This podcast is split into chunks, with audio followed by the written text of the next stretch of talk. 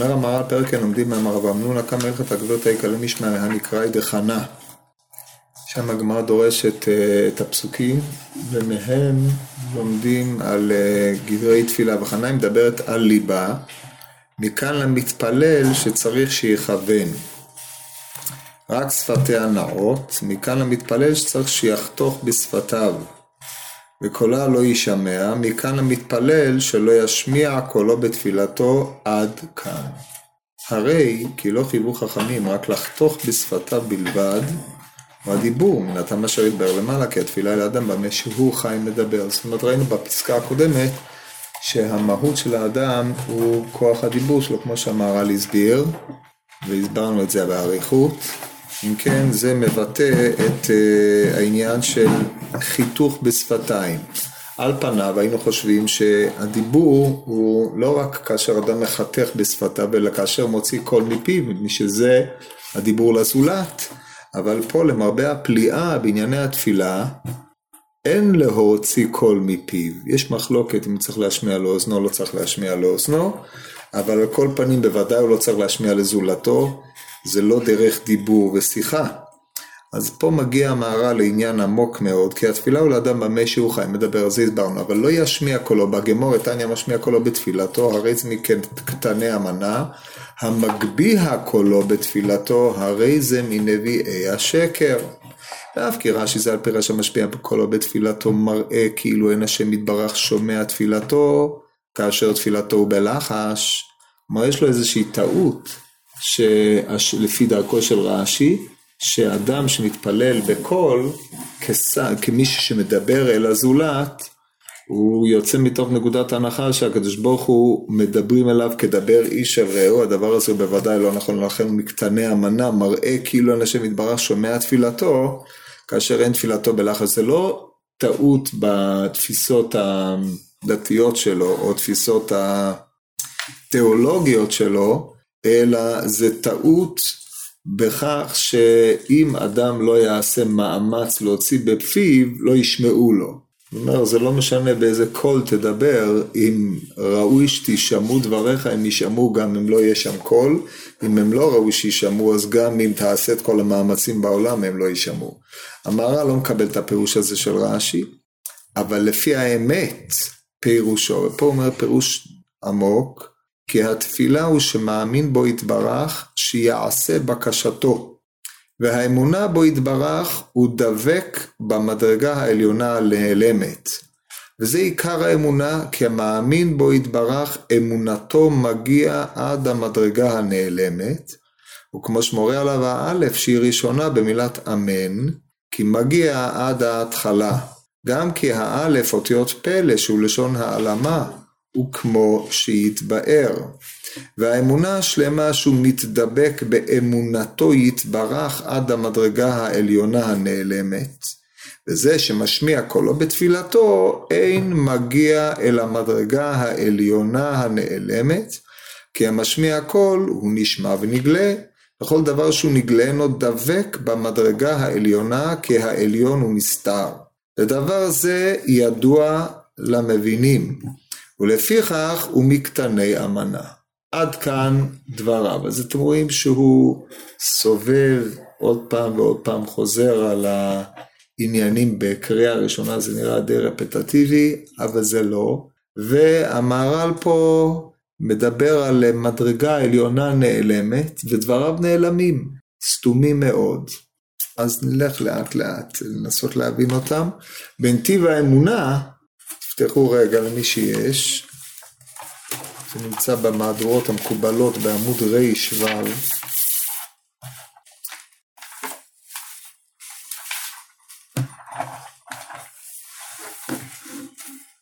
מציין למה שהוא כתב כאן, וכותב, נראה את הקטע הזה מהר, שתתרשמו עד כמה מה שכתב המהר"ל אצלנו, הוא היה עיקרון שהוא רק יכול היה לציין לו במקומות אחרים, פה הוא סבור שהוא באר את דבריו היטב, כן? תסתכלו ברי"ו בפרק כל כתבי, אמר יש לו גיש כל אומר, כל העונה אמן בכל כוחו פותחים לו שערי גן עדן שלמה פיתחו שערים ויבוא גוי צדיק שומר אמונים, אל תקראו שומר אמונים, אלא שאומרים אמן. מה יאמן? אל מלך נאמן. פירוש דבר זה, כי מישהו מאמין בו יתברך, צריך שיהיה בכל כוחו. כי האמונה צריך כוח וחוזק, כמו שאמרנו, כי זה עניין האמונה, שעומד באמונתו בכוח ובחוזק, ואינו שר מן אמונתו. ולכך צריך לענות אמן בכל כוחו. ועוד פירשנו למעלה מה שאמרו אם פותחים לו שערי גן עדן, כל פתיחה דבר סגור ונעול.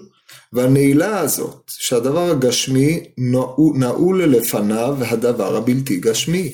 וכאשר הוא עונה אמן הוא מתדבק, פה הוא מתחיל לדבר במושגים שהוא דיבר אצלנו, הוא מתדבק במי שהוא מאמין, הוא השם יתברך. ודבר זה הוא עצם האמונה, כי אין ראוי לדביקות כזה רק בעל אמונה שכאשר הוא מאמין בו יתברך הוא מתדבק לגמרי. ולפיכך ראוי לפתוח לו גן עדן, כי האדם אשר בו האמונה בו יתברך ראוי לגן עדן, אשר שם הנטיעות אשר נטע השם יתברך והם נטועים בחוזק. גם האדם הזה שהוא בעל אמונה הוא בעל נטייה חזקה עם השם יתברך אשר רוחות אין מזיזים אותו ממקומו הוא באמונתו כמו שהיה אל אברהם לפיכך ראוי לפתוח לו שערי גן עדן ולהיות נכנס לשם. וצריך לזה כוח כי שערי גן עדן הם נעולים כאשר אמרנו כי המעלה נבדלת נעול לפני האדם הגשמי, ואם ירצה להידבק לשם צריך להתגבר על המעלה הנבדלת בכוח. ואז פותחים לו שערי גן עדן הנעולים, כבר פירשנו זה בנתיב העבודה, זה הציון למה שהוא פירש אצלנו. זה משהו, כל הקטע הסתום הזה, אמור להתבאר ביאור של ממש על פי הקטע המבואר להדיא אצלנו, כן? כמו שאתם מבינים.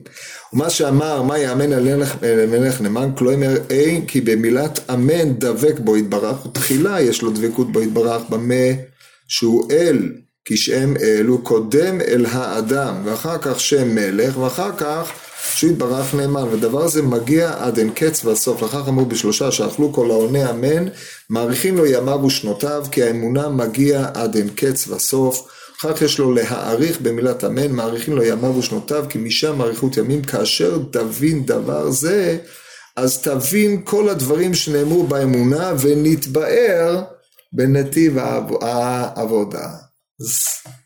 הא בהא תליא, כן? אם לא נבין שם, לא נבין פה, אם לא נבין פה, לא נבין שם, ונשארנו בלי הבנה בכלל. טוב, אז עכשיו נחזור למה שקורה אצלנו, זו פסקה באמת קשה. ננסה להבין קצת. קודם כל, יש, אה, צריכים אה, להניח איזושהי הנחה יסודית שאמרנו אותה בעבר, שאצל המהר"ל יש התאמה, או אמורה להיות התאמה בין הפעולות שאדם פועל במעשה, פעולות הנתפסות בחוש, לבין המקבילה הפנימית שלהם, שהיא מקבילה של, של פעולת הרוח. לכן, כמו שאמרנו קודם, כל העונה אמן בכל כוחו, הענייה בכל כוחו היא איננה אלא ביטוי למצבו הפנימי הדבק בכל כוחו, כפי שתכף נסביר בהתמודדויות שהוא צריך להתמודד, ולכן הוא מבטא את זה גם במעשה, אבל הביטוי המעשי הוא רק ביטוי חיצוני וחותם למה שעומד בפנימיותו של האדם. ברגע שיש חוסר התאמה בין הפנימי לבין החיצוני, החיצוני לא שווה שום דבר, זה הנחה פשוטה שהוא מניח, זה נכון בכל המקומות במהר"ל, שתמיד יש התאמה בין הבחוץ לבפנים, ורוב הביאור שלו זה לתרגם את מה שקורה בחוץ, לתת לו את, את מה שהוא מסמל כלפי פנים, כן? זה העיקרון. טוב, אז עכשיו, משמיע קולו בתפילתו בהתאם לעניין הזה, זה לא, לא מעניין אותו השמעת הקול כשלעצמו, אלא מה, מה השמעת, מהי העמדה של אותו אדם המשמיע את קולו. אז רש"י כבר נגע בזה, אבל רש"י דיבר רק בצדדים החיצוניים יותר. המהר"ל עובר לדבר על רמת האמונה של אותו אדם, ולא מצד זה שישמעו או לא ישמעו את מה שיש לו לומר, אלא מהי רמת או מהי מדרגת האמונה שיש באותו אדם שמכוחה מגיע השמעת הקול או הגבהת הקול. האלה העניינים שלכן הוא חרג מדברי רש"י, כי רש"י רצה לקשור סיבתית את השמעת הקול עם עמדתו של האדם, והמהר"ל לא מקבל את ההסבר הזה. עכשיו נראה לגופו של עניין במה מדובר. אז אני עוד פעם חוזר, לפי האמת פירושו כי התפילה שהוא הוא שמאמין בו יתברך שיעשה בקשתו. זו הנחה יסודית, כבר דיברנו עליה בעבר, כי עיקרה של התפילה היא העמדת הבקשה. האמונה שבתפילה היא האמונה שיעשה בקשתו.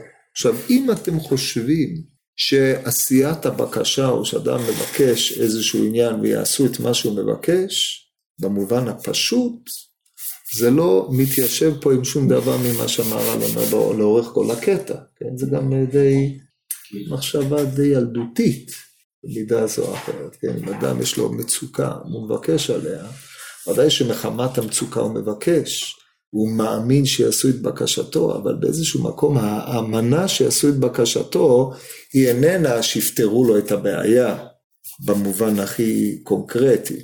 זאת אולי הוא היה מייחל לדבר הזה, אבל רמת האמונה שעליה מדבר המהר"ל פה, היא עובדת באופן הפוך.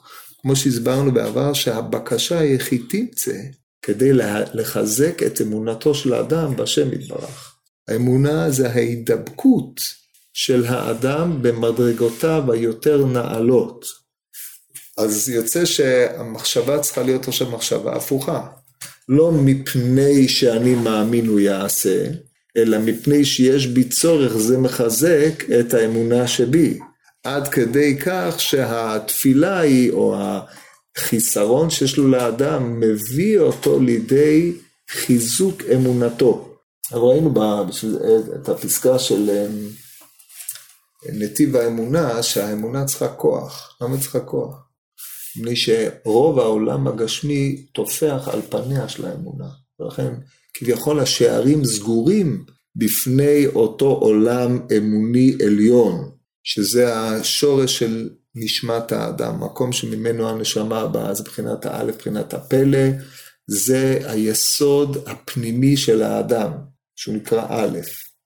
ופה למעשה האלף הוא אמ, היסוד הכי עליון של האדם, שהוא בחינת היחידה שבנפש. אבל בגדול, עיקרו של ה... עיקרה של האמונה היא להבין שהאדם בעולם הזה הוא רק כעץ משתלשל משורש שהוא נטוע בעליונים, וכל מה שקורה לו בתחתונים ממנו אלא מבטא את נקודת ההתחברות היותר עליונה שיש לו לבורא יתברך. כל הרפתקא דעדו עליו הם ביטוי, צורת תגובה כדי לחזק את אותן התקשרות, שורש התקשרותי שיש לו לבוראו. זאת אומרת, בניגוד לתפיסה שאני צריך שישרתו אותי באשר יש לי חסר כזה או חסר כזה כדי למלא את צרכיי בעולם הזה, הרי נוכחותי בעולם הזה איננו אלא ענף המשתלשל מן השורש הנטוע שלא יש אריכות ימים. לזה הוא רמז בכל העונה לו אמן, פותחים לו שערי גן עדן או זוכה לאריכות ימים. אריכות ימים הכוונה איננה שהוא יחיה עד מאה העשרים ואחד, או יאריך עד גיל שלוש מאות, כי זה לא, זה לא נקרא אריכות ימים. אריכות ימים זה המימוש של אותו, אותה תכונה או אותה נקודת א', ש, שהיא האדם באשר בשורש נשמתו, כפי שהיא מתממשת בעולם הזה, והיא ממשיכה להתקיים. זה נקרא שתולים בבית השם. בית השם זה בעולם הבא. לכן אריכות ימים זה חיי העולם הבא, וחיי העולם הבא... מה? נצח כאילו? כן, זה, זה חיי העולם הבא. האמונה שעליה הוא מדבר, מדרגה הנעלמת היא חיי העולם הבא. כאשר האירועים שעוברים על האדם בעולם הזה אינם אלא בשביל לקשור את הקשר שלו אל חיי העולם הבא. שפתיחת שערי גן עדן בעולם הזה זה פתיחת האפשרות לתחילת חיות של העולם הבא. כי גן עדן זה נקרא עולם הבא, זה, זה מדרגה במדרגות העולם הבא. יש שניים, יש גן עדן תחתון, גן עדן עליון. גן עדן תחתון זה המדרגה שבו האדם אה, יש לו איזושהי זה אהבה, מבחינת אהבה בתענוגים של האדמו"ר הזקן, שהוא אה, חי עם השם, כמו האבות במדרגות מעין אלה. עכשיו זה מדובר במדרגות גבוהות ביותר, אבל ברגע שאנחנו מבינים שזה המשמעות של התפילה כפי שאנחנו צריכים להתפלל עליה, אז גם אם אנחנו לא נמצאים בכלל באותו סביבה מבחינה קונקרטית, יש לנו שמץ מנהו בהבנתנו את העניין של התפילה. שמץ לא? מהדברים האלה, כן? אז רגע, הרב לא הבנתי כל כך איך מתקשר הקטע של התפילה לכל הקטע של ה... אז עכשיו אני אסביר לכם בפנים, איך זה כתוב, כי זה הדבר הכי חשוב, כי אמרתי לכם, המגמה שלי שאני לא אצטרך לתת לכם שיעורים. תלמדו לבד, אדם צריך לשאוף להגיע לעצמאות, כן? אלא אם כן הייתי רבה, אז הייתי שואף שתביאו לי עוד חסידים, אבל אני, אין לי שום שאיפה כזאת. אדם צריך לשאוף להגיע ליכולת להבין לבד. יכול לשאול, יכול לברר, אבל זה צריך להיות המגמה של כל תלמיד לעמוד על דעת עצמו. כתוב אין אדם עומד על דעת רבו לסוף 40 שנה, אבל אחרי סוף 40 שנה הוא צריך שיהיה לו דעת עצמית כדי לעמוד על דעת רבו, אבל השאיפה היא לדעת לקרוא, כן? בהקשרים, בהקשר הזה, שזה דורש גם אה, קריאה בעניינים נוספים, שאתם עוד אה, צריכים להחכים קצת. אבל זה המגמה, אז אני אראה לכם בפנים, לא אגיד לכם דרשות בעלמא מבחוץ, שהייתי יכול להגיד אותם בלי הספר, אני לא מאמין בזה. אז בואו נראה עכשיו מה הוא אומר. באמת לפי ראשו כי התפילה הוא שמאמין בו יתברך שיעשה בקשתו. זאת ההגדרה הבסיסית הפשוטה. עכשיו תראו איך המהר"ל לוקח את המשפט הזה והופך אותו על פניו. על פניו הייתי שואל מישהו מה זה יאמין באדם, בקדוש ברוך הוא שיעשה בקשות, אני מאמין שאם אני אומר לקדוש ברוך הוא בואי נשאלו אלוהים, אני לא מבין קצות, שתעזור לי להבין, הופ, נלמד קצות ואני אבין. בדוק ומנוסה, זה עובד, כן? ככה היינו מבינים, אבל, עכשיו נראה אם זה מה שמתכוון אמר, אני היה אומר את זה, זה היה מאוד פשוט, לא היה צריך להעריך כל כך הרבה. עכשיו הוא אומר עוד פעם, והאמונה בו יתברך, הוא דבק, זה כנראה הידבק, היותו דבק במדרגה העליונה הנעלמת. מה זה מדרגה העליונה הנעלמת? יש מדרגות. בדרך כלל מדרגות זה רומז לבחינת הספירות שיש באדם, או באדם עצמו יש מדרגות שהן נרן חי, בעולם יש מדרגות, יש לנו את עולם הבריאה, היצירה, העשייה, ועולם האצילות. כן, בעולם האצילות אנחנו לא יודעים כלום. המדרגה העליונה הנעלמת בעולם העשייה, בעולם הבריאה, זה נקרא היכל קודש הקודשים. זה המדרגה העליונה. עולם בריאה? כן, היכל קודש הקודשים בעולם הבריאה זה שבע היכלות, זה המדרגה העליונה שאי אפשר להגיע מעליה. כל המדרגות הללו הנעלמות הם, ה... הם בבחינת חיי עולם הבא של האדם. כמו שכתוב בפסוק, מרב טובך אשר צפנת אל יראיך. פעלת לך עושים בך, כן? כל הנביאים לא נתנבאו אלא לימות המשיח, אבל העולם הבא, עין לא ראתה אלוהים זולתך, יעשה למחכנו, ועל זה דרשו מרב טובך, אשר צפנת לירך טילים ל"א. עכשיו, מה זה אה, צפנת לירך? העולם הזה הוא צפון, מכוסה, אבל הוא קיים, לכן הוא נקרא העולם הבא. הוא לא שהוא בא אחרי העולם הזה בלבד, כמו שכותב הרמב"ם בחטא מתשובה, אלא הוא קיים, אלא שהוא צפון. נסתר, והוא מקרין אל העולם הזה, עד כמה שאדם מתייחס אליו. כן, אנחנו הרי בתפילות מזכירים אותו הרבה. אין ארוך בקל אדום לפני זה, בתפילת יוצר של שבת, אין ארוך לך השם אלוקינו בעולם הזה, או אין ככה השם אלוקינו בעולם הזה, ואין זולתך מלכנו לחיי העולם הבא. או שאנחנו אומרים בהובא לציון, שנזכה ונחיה ונראה ונראה שטובה ובך לשלמות המשיח ולחיי העולם הבא. זה מהווה מוטיב מרכזי באמונה ובחיים. זה לא איזושהי תקווה של משהו שיבוא אחרי המוות, אלא חיי העולם הבא הם בבחינת המימוש של חיי העולם הזה, שהם בבחינת הכנה בלבד. האפשרות שחיי העולם הבא יהיו המרכז של חיי העולם הזה, זה בחינת האמונה. ולכן צריך בשביל זה חוזק גדול, מפני שהעולם הזה כל עצמו לא בא אלא לטשטש ולשנות את הפוקוס של האדם ולהעמיד אותו על המציאות הנוכחית הקונקרטית שתופסת את תחושיו ודמיונותיו. זה צריך כוח גדול, זה הכוח שהוא דיבר עליו, לשים לב שכל הדברים הללו אינם אלא שוליים או משלים, כמו שהרמח"ל דיבר על זה הרבה בתחילת מסילת ישרים, אדם נמצא במלחמה חזקה. מלחמה חזקה זה אותו מלחמה שעליה הוא מדבר פה, אותו כוח. ברור עד כאן? Mm. כן? יפה. אז עכשיו, זאת מדרגה עליונה, מפני שהיא התכלית העליונה של אדם שהיא נעלמת, מפני שהיא רוחנית איננה נתפסת בכלל, והיא העליונה, מפני שהיא תמצית עניין בריאתו של האדם, והיא שיבתו לשורש נשמתו. אז הוא כותב אמונה בו יתברר שדבק במדרגה העליונה על אמת, וזה עיקר האמונה. לא רק להאמין שהקדוש ברוך הוא משגיח עליך, רוצה את טובתך ועוד כל מיני דברים. אלה הדברים היותר פשוטים. עיקר האמונה היא הדבקות במדרגה העליונה לאמת, שעניינה אתה נמצא פה בשביל להכין, בשביל המדרגה ההיא, ולא בשביל חייך בעולם הזה.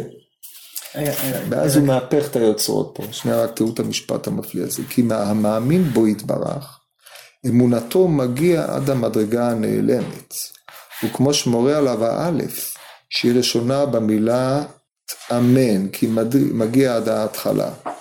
גם א', לשון אותיות פלא. א', פלא זה רומז לכתר, כן? זה השורש של הרצון. כתר זה הרצון, א' זה כתר, א' אותיות פלא, פלא זה דבר שהוא איננו נתפס. אי אפשר להלביש אותו בתוך אה, מערכת מושגים. כאילו? כן, כן. ואצל האדם זה שורש הרצון של האדם. זה הרצון הפנימי העליון. עכשיו, למה הוא הכניס את זה פה? למה הוא צריך, הוא יכול להתבטא בלי זה, אתם מבינים? יעשה בקשתו, זה הבקשה, זה הרצון העליון של האדם. כל הבקשות הן בבחינת נפולת של הבקשה העליונה. היכולת שלי לבקש, אני רוצה ארטי, שיש לי חסרים, נובע מהמושג רצון שקיים אצלי. מושג הרצון שקיים אצלי, שהוא הרצון, הוא שירצה, חייב להיות בפעילות. ו...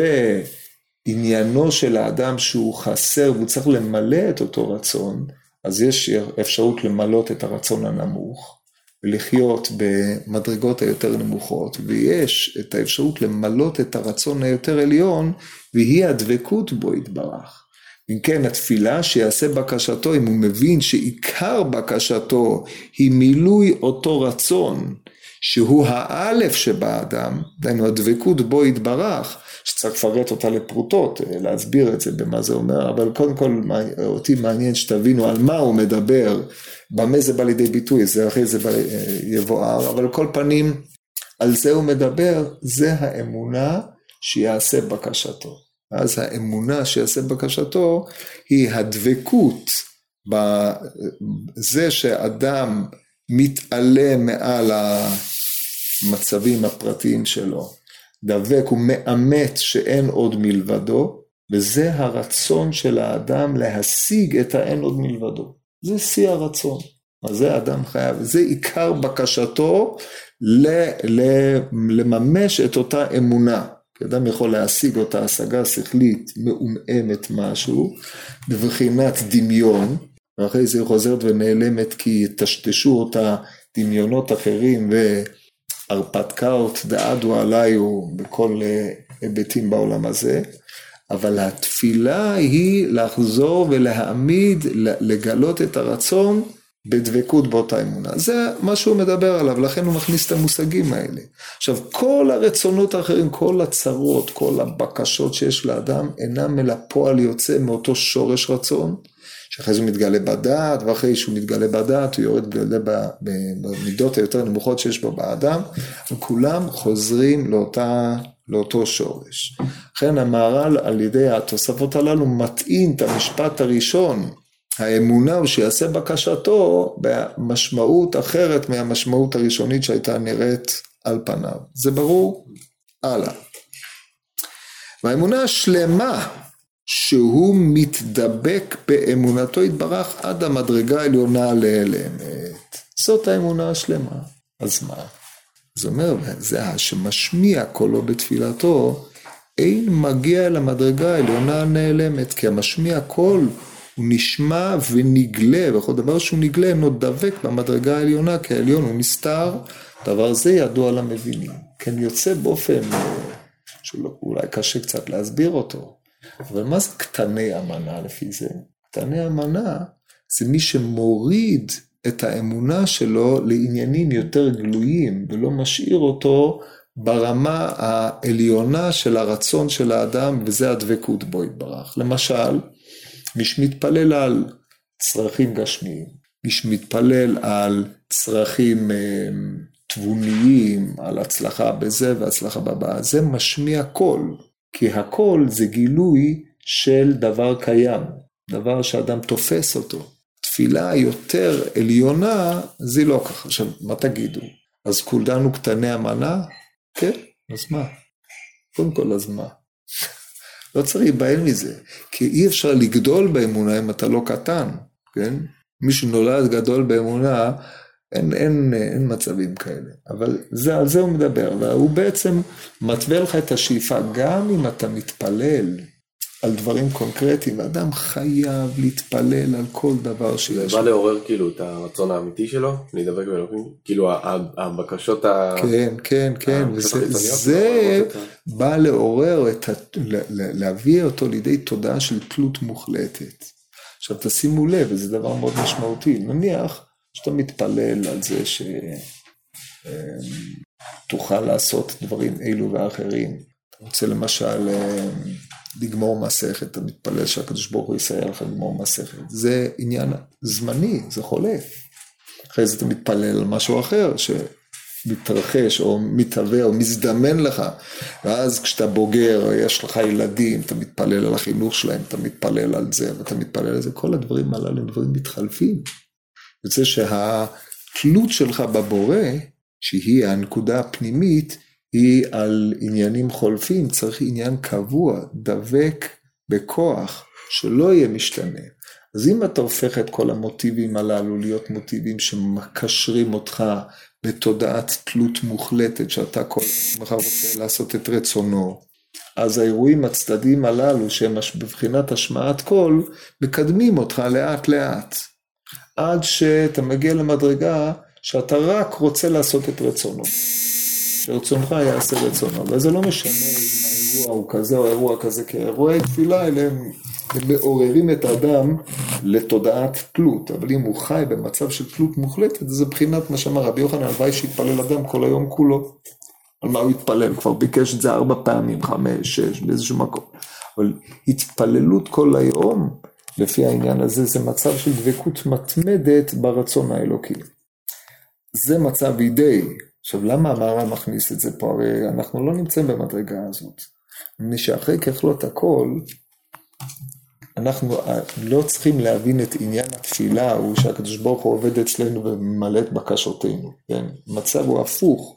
החסר שלנו כדי להביא אותנו לידי תודעת תלות, אבל אנחנו בשל החיסרון בהבנת אותו רעיון של חסר, אנחנו מגיעים לידי שאלות כמו השאלה ששואלים על התפילה, אם ראוי שייתן לו מה שהוא פתח בו. המהר"ל בשביל זה היפך את כל ההשקפה, להפך, זה לא שולל את המצב הפשוט שאדם צריך להתפלל על כל דבר, אבל הוא צריך להבין שכשהוא מתפלל על כל דבר יש לזה תכלית יותר נעלה, זה הרעיון. טוב, עכשיו נתקדם קצת. אז כן, אז כן מתפללים על כל דבר. ברור, חובה, כל דבר ודבר, כי זה מחזק את תודעת התלות של האדם בהשם יתברך. זאת אומרת, אני מתפלל על משהו ואני עושה את זה כדי שאני אוכל לעמוד את הקדוש ברוך הוא יותר טוב. זה, כדי להבין שאתה תלוי בו. עכשיו, מה, מה אנחנו, אגב, אורחה מרוויחים בכל העניין הזה? ואמרתי לכם, אדם שיש לו חולה בתוך ביתו חייב להתפלל עליו. זה אומר שהוא יתרפא? לא. כל הדברים הללו, הם מביאים את האדם להרגיש עד כמה הוא תלוי בו יתברך. זה חובת התפילה. אבל חובת התפילה היא באה להסביר אחרי ככלות הכל שכל ההוויה שלך, כל עצם המציאות שלך פה, וכל מה שהקדוש ברוך הוא שם אותך פה, זה באשר אתה תלוי בו, וזה רצונו, זה תפילת ישרים רצונו. היינו שהישר יגיע לנקודת הרצון שלו שהוא יהיה רצון השם כמו שפתחנו בפסוק הזה, הוא יגיד את זה בהמשך. טוב, עכשיו, זה קטני המנה. מה זה נביאי השקר? ממשיך המהר"ל ואומר, מגביה קולו בתפילתו הוא מנביאי השקר, אשר הם דבקים בכוחות הטומאה, אשר אין להם מעלה נעלמת וההסתר כלל, והם נקראים כוחות חיצונות. לפיכך המגביה קולו בתפילתו שהוא גלוי עוד יותר, הוא מנביאי השקר, כי הגבהת, הגבהת קול הוא יותר נגלה, ודאי בזה למביני מדע. פה מדבר על טיפוס אחר, כי על פניו היינו אומרים יש משמיע ומגביה, זה שתי רמות של כמות הדציבלים שאפשר למדוד, למדוד בהוצאת קולו מפיו, אומר המהר"ל מה פתאום. קטני המנה ונביאי השקר, זה שני עניינים שונים. נביאי השקר כתוב ויקראו בקול גדול לאמור, הבעל ענינו, זוכרים את זה. מה קרה בסוף? למה לא קרה כלום? ההוא הנחש. ישן. איפה אליהו? למה לא קרה כלום? ישן. אין כלום. עכשיו אני אשאל אתכם שאלה אחרת. במצבים אחרים קרה משהו? אי פעם קרה? כאילו קראנו? אז בגלל- בנביאי השקר קרה שהם קראו בקול גדול וקרה משהו? לא. אבל לפי... אולי במקרה. אבל שאלתי אם קרה או לא קרה, מקרה זה כבר עמדה נפשית כלפי מה שקרה, כן? קרה או לא קרה? לא קרה. פיזית. בטח שקרה, בקטע. ודאי קרה. הפוך, אם לא היה קורה, אז אף אחד לא היה מתייחס אליהם בצורה רצינית. אומרת הגמרא במסכת עבודה זרה, דף נ"ה, שאלו זקנים את, אה, שאלו, אה, שאלו, אנשים שאלו את הזקנים ברומי, אם הקדוש ברוך הוא שונא עבודה זרה, למה הוא לא מבאר אותה? הוא, אז מה משל לכם משל למה הדבר? הגמרא הוא נותנת משל מעניין, הוא מספר את הגמרא שמה, למה אנחנו רואים אנשים הולכים שבורים בבית עבודה זרה, באים אל השמן, לכומר, אל מי שנמצא שם, הוא עושה איזה הוקוס פוקוס, והבן אדם קם מהכיסא גלגלים והולך ברגל הביתה. דברים כאלה, בטח שהיו. אז אם זה לא היה קורה, לא היה- זה לא היה נותן אפשרות, כאילו, כולם היו, ברור ברור שכולם היו הולכים, זה כאילו נותן את האפשרות בחירה. כן, זה בדיעבד התשובה. אבל מה, איך ענו, ואלה תופעות שהיו, אמנם הם לא היו, אה, בוא נגיד שהם היו 20 אחוז, הם מדהים, אבל היו. אז הגמרא שם אומרת, משל למה הדבר דומה? לאדם שהיו מפקידים אצלו תמיד בעדים. מה? מפקידים אצלו בעדים. בא איזה אחד לעיר, ו... לא, סליחה, היו מפקידים אצלו בלי עדים. כי היו סומכים עליו. סומכים עליו לגמרי. בא איזה אחד לעיר, אמר, אני לא סומך עליו, מפקיד בעדים, פעם אחר פעם. יום אחד הוא הפקיד בלי עדים. בא אשתו, אמר לו, לנפקד, בוא נחפור בו. מה להרוויח? ומה תגיד? אתה תמיד מפקיד בעדים, כולם מפקידים בלי עדים, נכון? כשתבוא ותגיד, הפקדת בלי עדים, מי יאמין לך? הוא נסגר, הוא... בקיצור, זה מצב של ניצחון בטוח. אז אמרה, אמר לו, אמר זה לאשתו, בגלל אותו שוטה אנחנו נאבד אמונתנו. כך, אדם, הגיע הזמן שהאיסורים שלו יסתיימו בנקודה כלשהי. אלא מה? שהוא בחר שהאיסורים שלו יסתיימו ברגע שהוא הולך לכומר ואומר לו, תעשה לי איזה משהו. אז הוא עושה לו, מסתיים עם האיסורים. אז מדין הוא שהאיסורים לא יצאו, ימשיכו להיות כדי שלא יטעו בה, אז על זה כתוב, ש... כתוב עולם כמנהגו נוהג ושותים שקלקלו עתידים ליתן את הדין.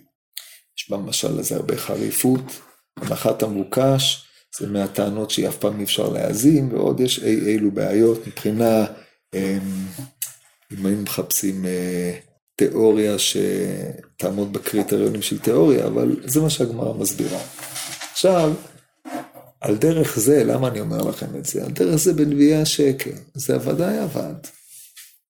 סיבות אלה ואחרות, היה שם הרבה אחיזת עיניים, שרלטנות ועוד, אבל יש עניינים של ממש.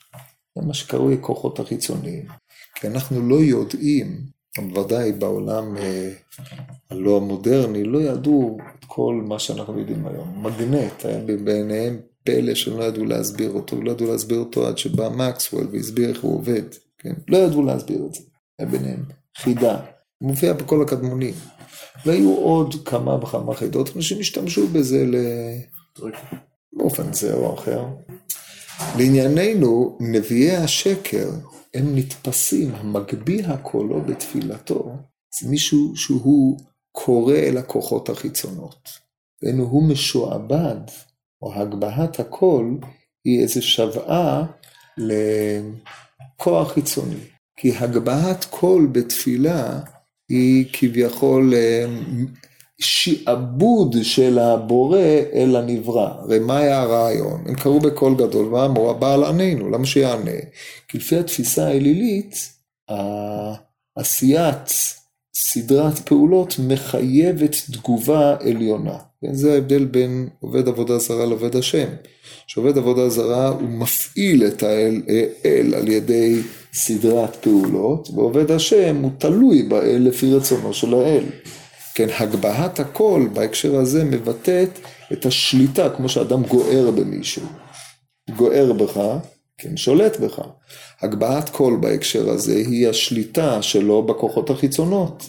ככה מסביר את זה אמר, זה לא עוד רמת דציבלים יותר גבוהה, גבוהה מהשמעת קול.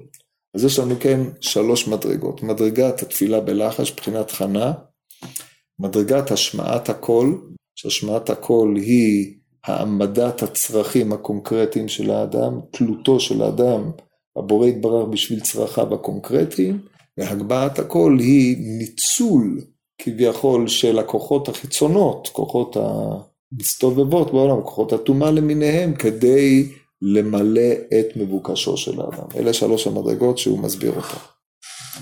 טוב, יש לנו עוד קצת. פרק תפילת השחר, כשחל הרב אליעזר נכנסו תלמידיו למקור, הוא מביא את הפסקה הזאת כהשלמה לפסקה הקודמת. אמרו לו, רבינו למדנו אורחות חיים, נזכה בהם חיי העולם הבא. עכשיו פה אתם למדים שכל המבוקש הוא חיי העולם הבא. זה השלמה לקטע הקודם. אמר להם, היזהרו בכבוד חבריכם, וכשאתם מתפללים דעו לפני מי אתם מתפללים, ומנעו בני, בניכם מן ההיגיון, ושיבון בין ברכי תלמידי חכמים, בשביל כך תזכו לכם עולם הבא עד כאן. מה שאמר היזהרו בכבוד חבריכם, דבר זה בנתיב התורה, גם בפרקים, פרקים על דרך החיים.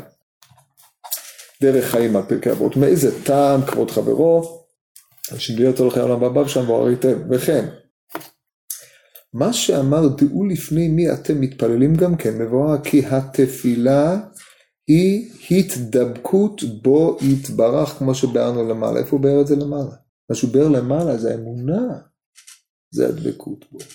פה התפילה נהייתה הדבקות, התפילה היא ביטוי של האמונה למלא בקשתו, אבל לפי מה שהסברנו, היא היא.